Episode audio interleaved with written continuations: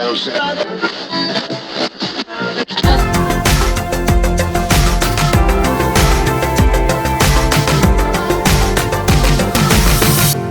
selamat datang di podcast perdana kita. Di sini ada Andes dan juga sudah ada Amalia. ini Seru ya. adalah sebuah podcast perdana dan ini direkam sebenarnya pakai remote ya. Kita menggunakan eh, jarak jauh nih, ya kan? Andes di Jakarta, kalau Amalia berada di Adelaide, Australia. Perbedaan waktu kita berapa ya? Dua setengah jam kalau winter, kalau summer bisa tiga jam. Kayaknya kita mesti jelasin ke semua orang siapakah seorang Amalia Roselyn sosok Direjo. Kamu apa sih membuat kamu ada tiba-tiba ada nongol di Adelaide atau memang nggak tiba-tiba tapi apa yang membuat perjalanan kamu berada di sana? Tahun 2008 dulu kebetulan ada em, kesempatan eh, suami dapat kerja di Adelaide, jadi pindah satu keluarga. Anakku waktu itu masih umur satu tahun, terus kita pindah ke Adelaide, terus kita di sini lima tahun, terus pindah lagi, pindah lagi ke Copenhagen Denmark, lima tahun di sana. Em, ya lumayan lah eh, mencari pengalaman ya di Eropa, lalu kembali lagi ke Adelaide tahun 2017 sampai sekarang. Istri setia nih ya, jadi ngikutin suaminya kerja ke mana, selalu Iya dong. bersama keluarga. Terus sekarang berapa lama dari total di Adelaide? Dari 2017 Juli sampai sekarang Berarti kurang lebih eh, empat tahun ya? empat tahun ya kurang. Ya, empat tahun empat tahun berjalan ya.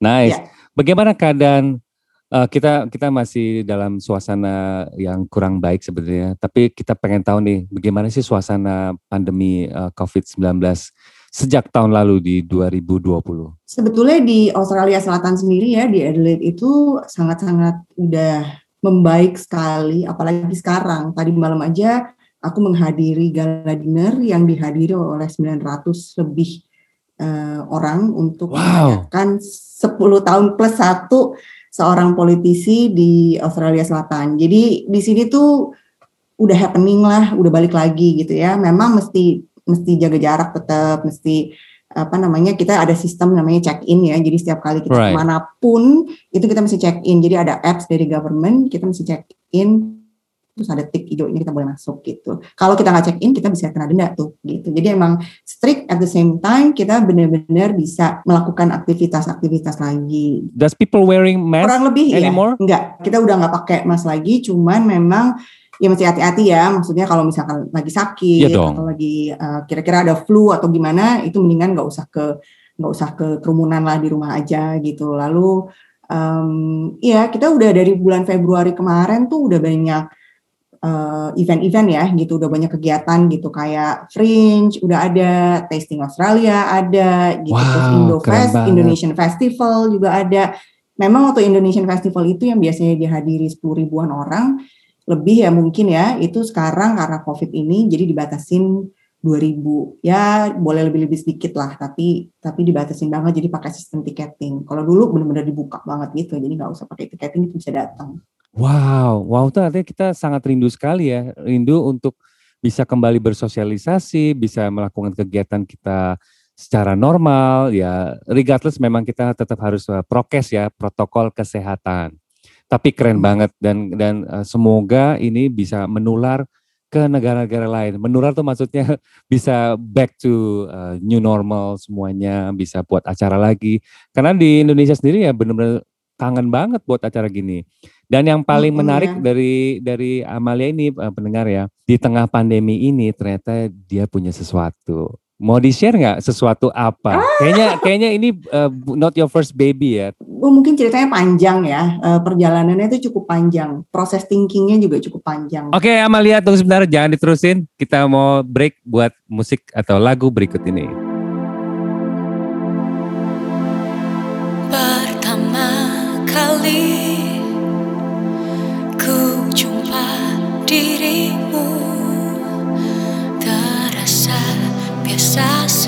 Saja Tak ada yang berbeda.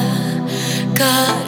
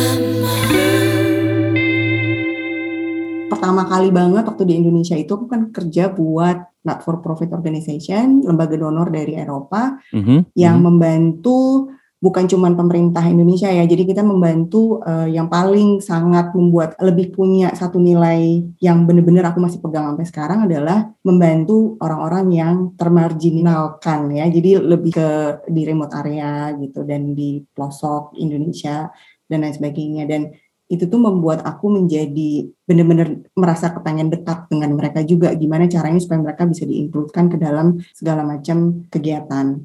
Lalu lingkungan, topik lingkungan itu memang udah ada di hati dari zaman, wah gila dari zaman dulu banget deh gitu. Dan akhirnya setelah aku pindah ke Australia, aku ngambil sekolah lagi dan lain sebagainya, dan aku fokus betulnya di bidang lingkungan. Tapi juga nggak cuma lingkungan, aku juga kepengen gimana caranya supaya ada sosial aspeknya juga. Setelah itu karena pindah-pindah dari selesai sekolah, terus pindah, terus aku tuh nggak sempet gitu loh untuk uh, ngeplay kerja dan lain sebagainya jadi begitu selesai terus mau uh, sempat kerja sebentar terus udah pindah lagi ke Copenhagen jadi gimana caranya supaya aku tetap berkarya jadi aku lebih uh, mikir wah harus kreatif nih kayaknya nih gitu jadi bikin buku waktu itu terus mau apa uh, connect dengan apa connect dengan komunitas lain, terus uh, public speaking dan lain sebagainya. Terus ketika kembali ke Australia lagi, aku udah berjanji tuh, Andes. Waktu di Copenhagen aku udah bilang, oke, okay, janji Australia kayak janji dengan diri sendiri ya sampai Australia kayaknya I have to do something gitu. So baby pertama adalah Decorum Group, suatu nice. company yang aku bikin uh, berpartner dengan satu partner juga orang Indonesia juga itu khusus benar-benar di bidang sustainability. Jadi kita benar-benar bikin satu platform untuk bisa memperkenalkan kepada orang-orang apa sih yang namanya jejak karbon. Uh, apa sih sebenarnya aktivitas kita tuh sebenarnya jejak karbonnya seperti apa dan lain sebagainya. Dan itu mulai uh, saya aku bikin itu 2018 dan sudah berjalan sampai dengan sekarang. Jalannya tuh panjang sekali ya dan memang nggak gampang dan nggak mudah untuk baby itu kita besarkan. Tapi uh, lumayan dengan berjalannya waktu kita lama-lama company itu bisa berkembang. Lalu setelah ada dekorum itu, aku mulai aktif di organisasi-organisasi komunitas di uh, Adelaide, Australia Indonesia Association of South Australia. Itu lebih community based Andes, jadi lebih benar-benar kayak Indofest kemarin. Nah itu tuh organisasi itu. Lalu terus lebih banyak kenal dengan komunitas lain, lebih banyak kenal dengan orang. Jadi networkingnya itu bagus banget. Setelah aku di organisasi itu, aku ikutan lagi organisasi yang khusus buat bisnis. Jadi Australia Indonesia Business Council. Jadi kebetulan sekarang aku jadi chairnya di situ dan itu tujuannya untuk mempererat hubungan antara Indonesia dengan Australia. Nah, mulai dari situ, mulai dari aku involve banget nih sama organisasi-organisasi ini, aku mulai ada interest untuk gimana caranya supaya dua negara ini lebih dekat lagi ya terjalin baik itu bisnis maupun komunitas do something lah kolaborasi karena aku tuh senang banget dengan kolaborasi. Aku senang banget dengan connecting the dots. Aku senang banget dengan melakukan sesuatu yang lebih kreatif lah gitu. Lalu akhirnya proses itu mulai berjalan. Lalu terus ikutan apa namanya diskusi-diskusi. Dan kebetulan Australia dengan Indonesia nih Andes nih. Ada yang namanya Indonesia Australia Comprehensive Economic Partnership Agreement yang panjang banget. Tapi intinya adalah perjanjian uh, free trade agreement lah perjanjiannya cuma lebih komprehensif. Jadi barang-barang yang dari Indonesia bisa masuk ke Australia itu dengan tarif nol. Jadi kayak apa sih market yang cross boundary tapi itu lebih mempererat hubungan dagang antara Indonesia dengan Australia. Aku mulai involve banyak tuh dengan diskusi-diskusi itu dan jadi tertarik. Kebetulan aku dipercaya juga untuk ikutan Indonesia Trading House Australia yang sebetulnya kantornya uh, di Sydney, tapi itu kita orang-orangnya sendiri ada di Sydney, ada di Adelaide dan ada di Brisbane, tapi itu untuk mengcover Australia, New Zealand dan dan daerah-daerah sekitarnya dan itu juga memperkuat antara hubungan dagang Indonesia dengan Australia dari Iya Cepanya itu sendiri. Nah, dari situ berkembang lah, akhirnya jadi baby lagi nih, kecil satu nih Andes. Wow. Gitu. Mm-mm. Nah, baby ini yang mungkin aku tertarik banget untuk ngobrolin sama Andes hari ini. Gitu. Oke, kita kasih drum roll dulu nih. Panjang ya. Oke, silakan diperkenalkan. nah, baby yang baru ini, Andes, namanya Satu Ruang. Yeay, tuh, tuh tepuk tangan banyak banget tuh. Hai, saya Ayushita dan sekarang kalian sedang mendengarkan Satu Ruang bersama Andes.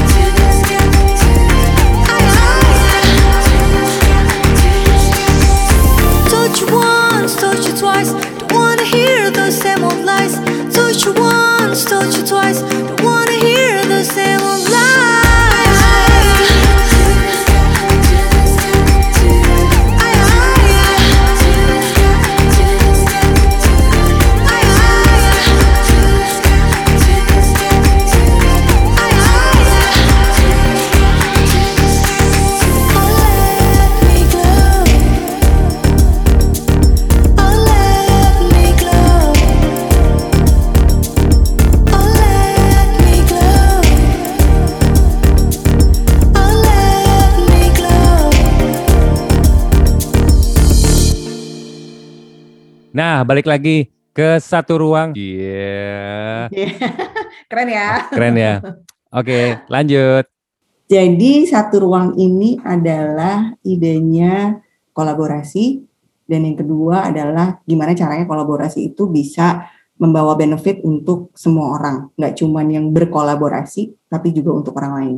Jadi intinya satu ruang itu adalah hub. Hub itu meaning bisa online, bisa offline. Kepengennya adalah semua ini dibungkus dengan prinsip-prinsip sustainability dan circular ekonomi di mana kita juga bisa reuse, recycling, upcycling dan lain sebagainya. Tapi juga kita kepengen fair trade, ada fair commerce juga untuk petani-petani Indonesia.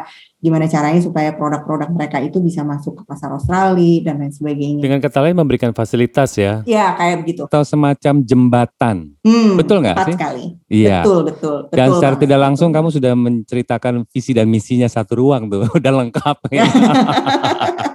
Industrinya yang untuk saat ini kita fokuskan di satu ruang ini adalah art, musik, film, food, yes, makanan ya, food, ya makanan dan fashion, dan fashion. lifestyle. Mm, Yes. Lifestyle, fashion itu mungkin bisa mirip-mirip ya, tapi yang jelas kita ingin ada diplomasi di industri-industri tersebut. Kenapa jadi satu ruang? Karena multiple industries, one space. satu Betul sekali. Ini kayaknya eh, apa menu-menu yang sangat menarik sekali nih sebenarnya, nggak boring ya ini. Art ya kan, orang bisa menyi- art nih pasti berbagai macam dong ya art.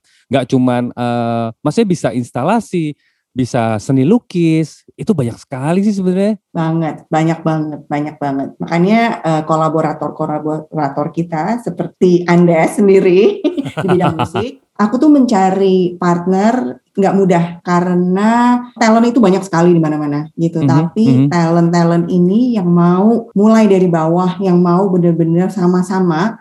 Karena spirit untuk kerjasama itu kadang-kadang aku nggak bisa lihat banyak gitu. Tapi orang-orang yang ada di ekosistemnya satu ruang ini, mereka itu spiritnya luar biasa dan mereka ingin kolaborasi yang penting dan mereka ingin maju bersama bukan untuk diri sendiri tapi untuk benefit the greater good. Jadi untuk benefit orang lain juga, untuk benefit juga orang-orang uh, yang termarginalkan juga dan lain sebagainya. Jadi aku cukup excited karena ekosistem ini benar-benar excited bersama atau Yes. gembira dan girang bersama Iya, dan sama-sama betul. pengen benar-benar let's do it together. Aduh, cepet-cepet deh kepengen Ini- ini, cepet benar-benar langsung. Ini ini sangat menarik betul, ini betul banget. Nggak nggak cuman nggak cuman kamu doang yang excited, Kak, aku pun juga excited banget dan dan dan aku yakin semua yang dengerin juga pasti excited karena kamu membukakan jalan buat kita semua, ya kan? Buat dan ini kalau dari menu-menunya juga kayaknya orang-orang yang memang di eh, di ekonomi kreatif ya, maksudnya. betul banget. Ya, betul ini nih sangat-sangat penting sekali karena kita adalah bagian dari roda pergerakan untuk ekonomi sebuah negara juga gitu. Eh, walaupun sebenarnya eh, kalau menurut aku sih lebih ke individu, tapi enggak kok kita bisa menjadi satu dan satu ruang Dan untuk satu bisa ruang. untuk bisa menjembatani eh, hubungan antara Indonesia dengan Australia. Keren banget ini sih, keren banget ini bagus banget. Dan apakah secara resmi ini sudah diresmikan eh, berjalan atau atau ada kalender khusus yang kira-kira eh, dipersiapkan eh, dalam waktu dekat ini? sudah resmi berjalan eh, dan rencananya adalah dalam tahun 2021 yaitu dari bulan Juli ini sampai dengan Desember itu akan banyak event yang akan mempromosikan satu ruang. Satu ruang itu ekosistem satu ruang, apa yang kita mau gerakan satu ruang dan lain sebagainya. Lalu bulan Januari rencananya akan ada Januari atau Februari tahun 2022 akan ada launching dari satu ruang. Oke, jangan ke mana-mana, kita akan balik lagi bersama Amalia. Hai, bersama saya Amalia Sosro Dirjo. Kamu sedang mendengarkan Satu Ruang bersama Andes.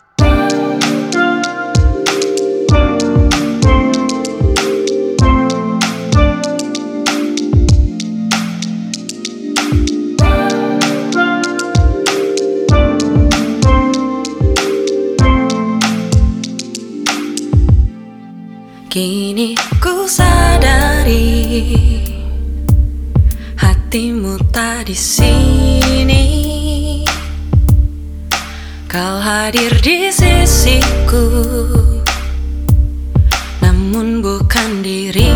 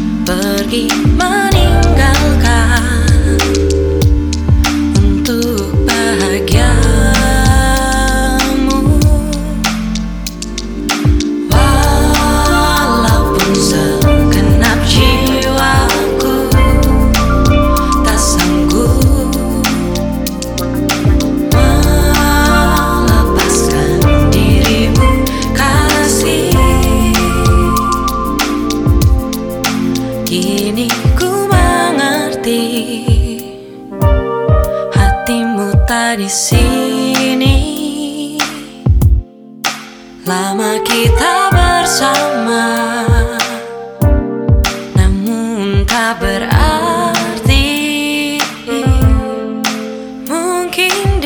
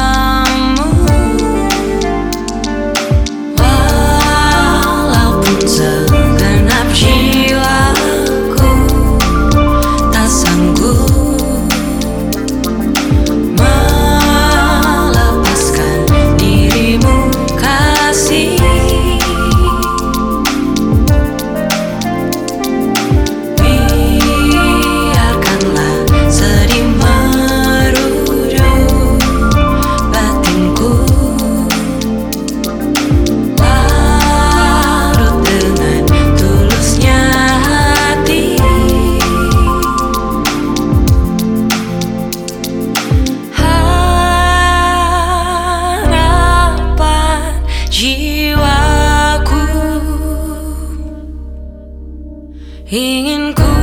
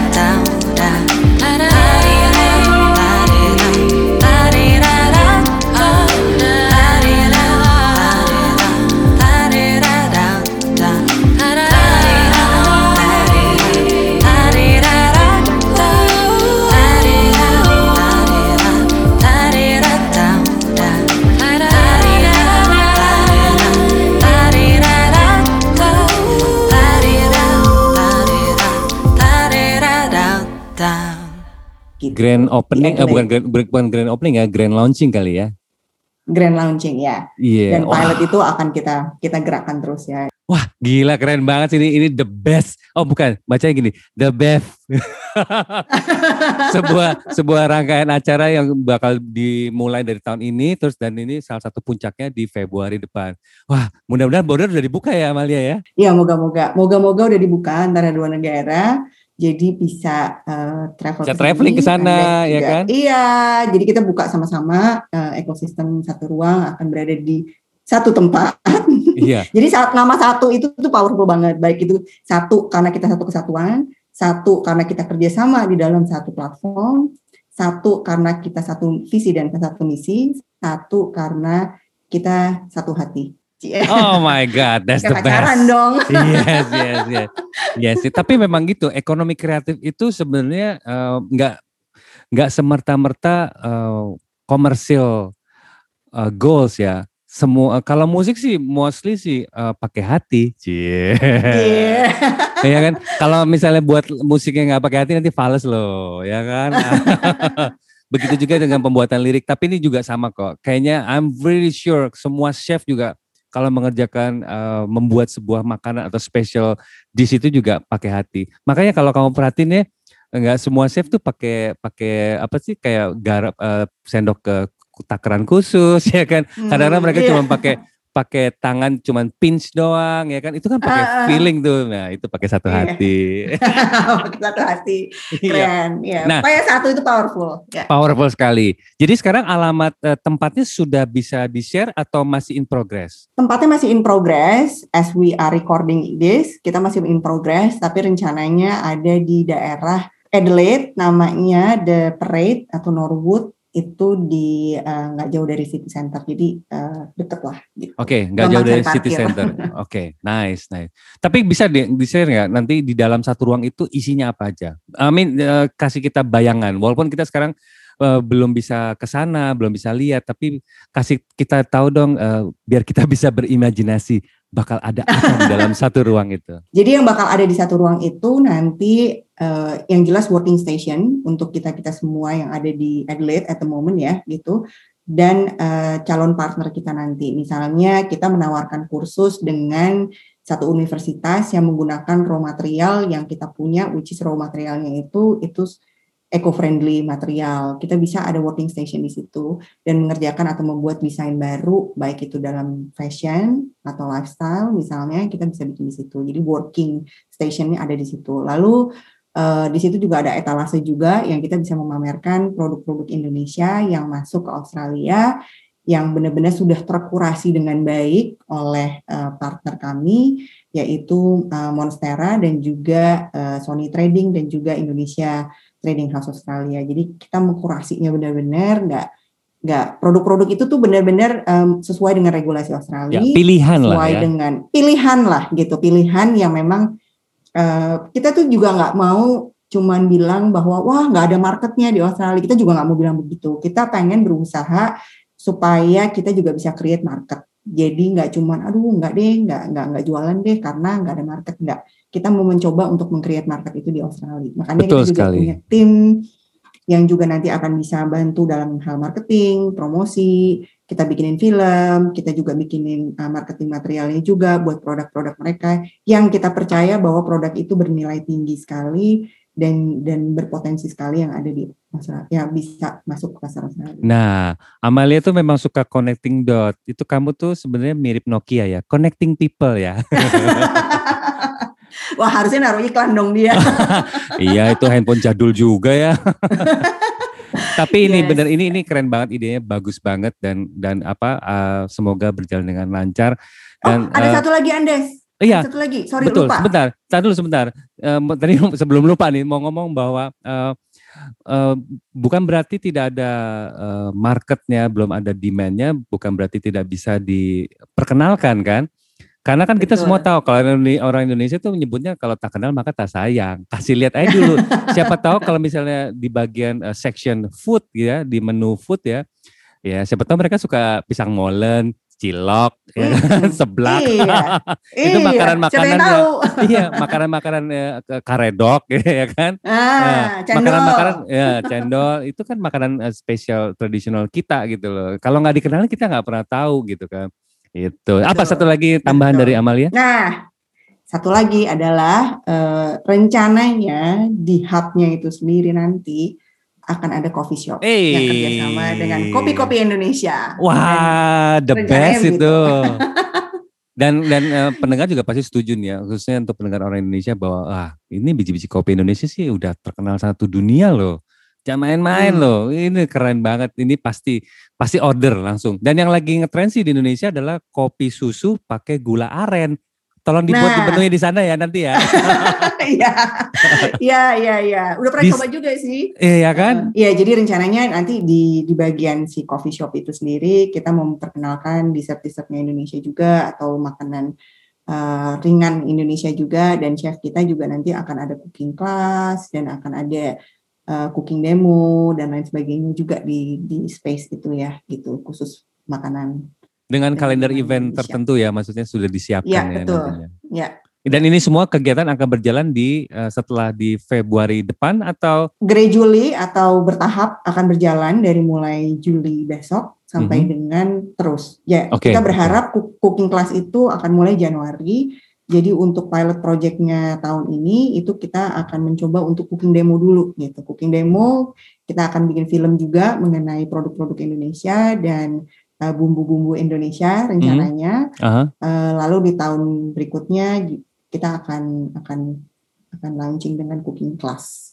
Kayaknya untuk membahas satu ruang ini eh, kita bisa lebih detail lagi. Kayaknya episode satu nih nggak cukup nih. Kita kita mesti pindah, maksudnya mesti berlanjut lagi ke episode berikutnya. Mungkin bisa eh, dengan bintang tamu juga kali ya, yang yang mewakili Oh, dari mewakili dari eh, bidang-bidang tersebut ya. Banget banget, boleh banget. Dan apa ekosistem kita uh, juga akan kolaborator kita juga uh, please uh, bisa banget mereka ngobrol juga dengan Andes untuk bisa ngobrol lebih banyak lagi di masing-masing industri.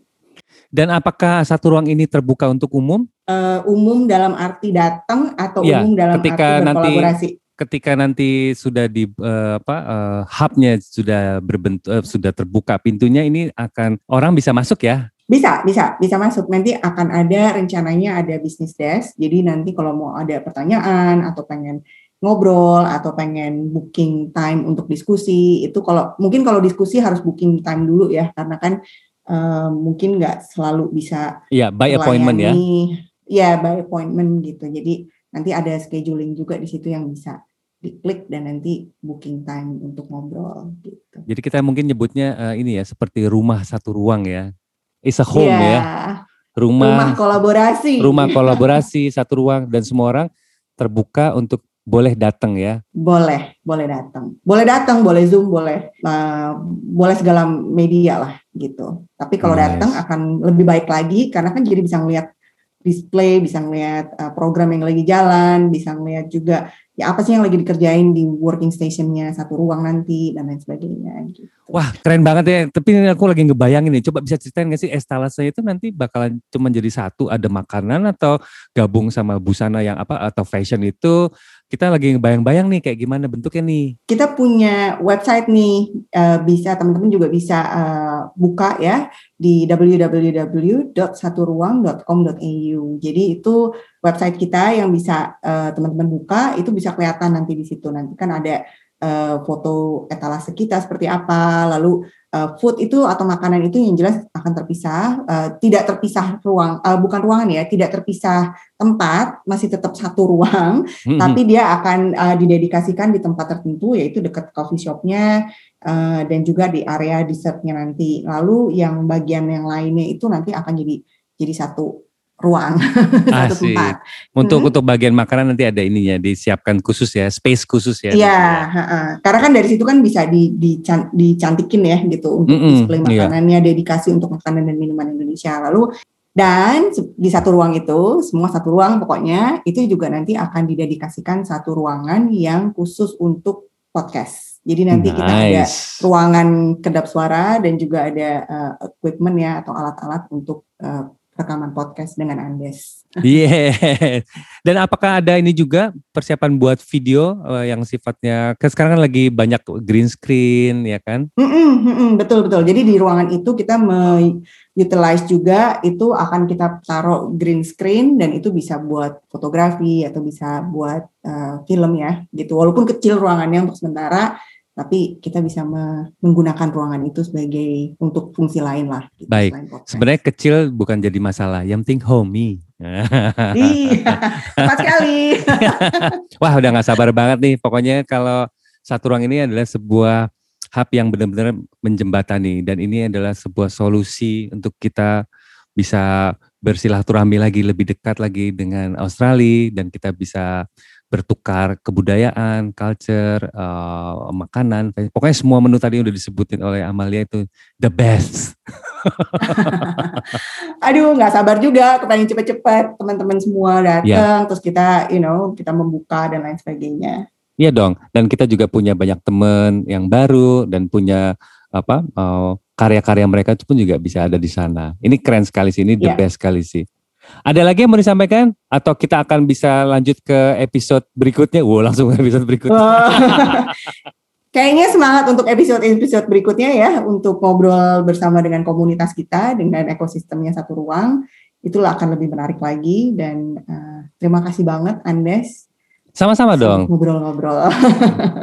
Justru satu ruang ini akan menjadi sebuah pendobrak kayaknya nih.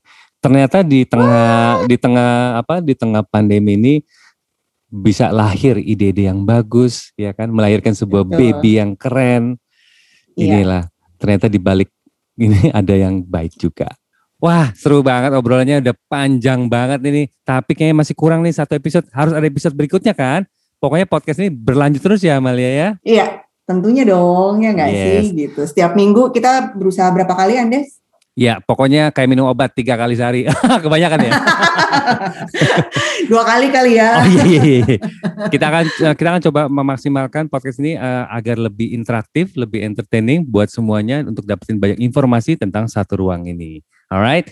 Sampai jumpa di episode kita berikutnya dan jangan lupa visit ke website www.saturuang.com.au atau kirim email ke hello at saturuang.com.au. Alright. Oke ini Andes signing out dan ada Amalia Sosro Direjo. sampai jumpa lagi. Have a nice day. Sampai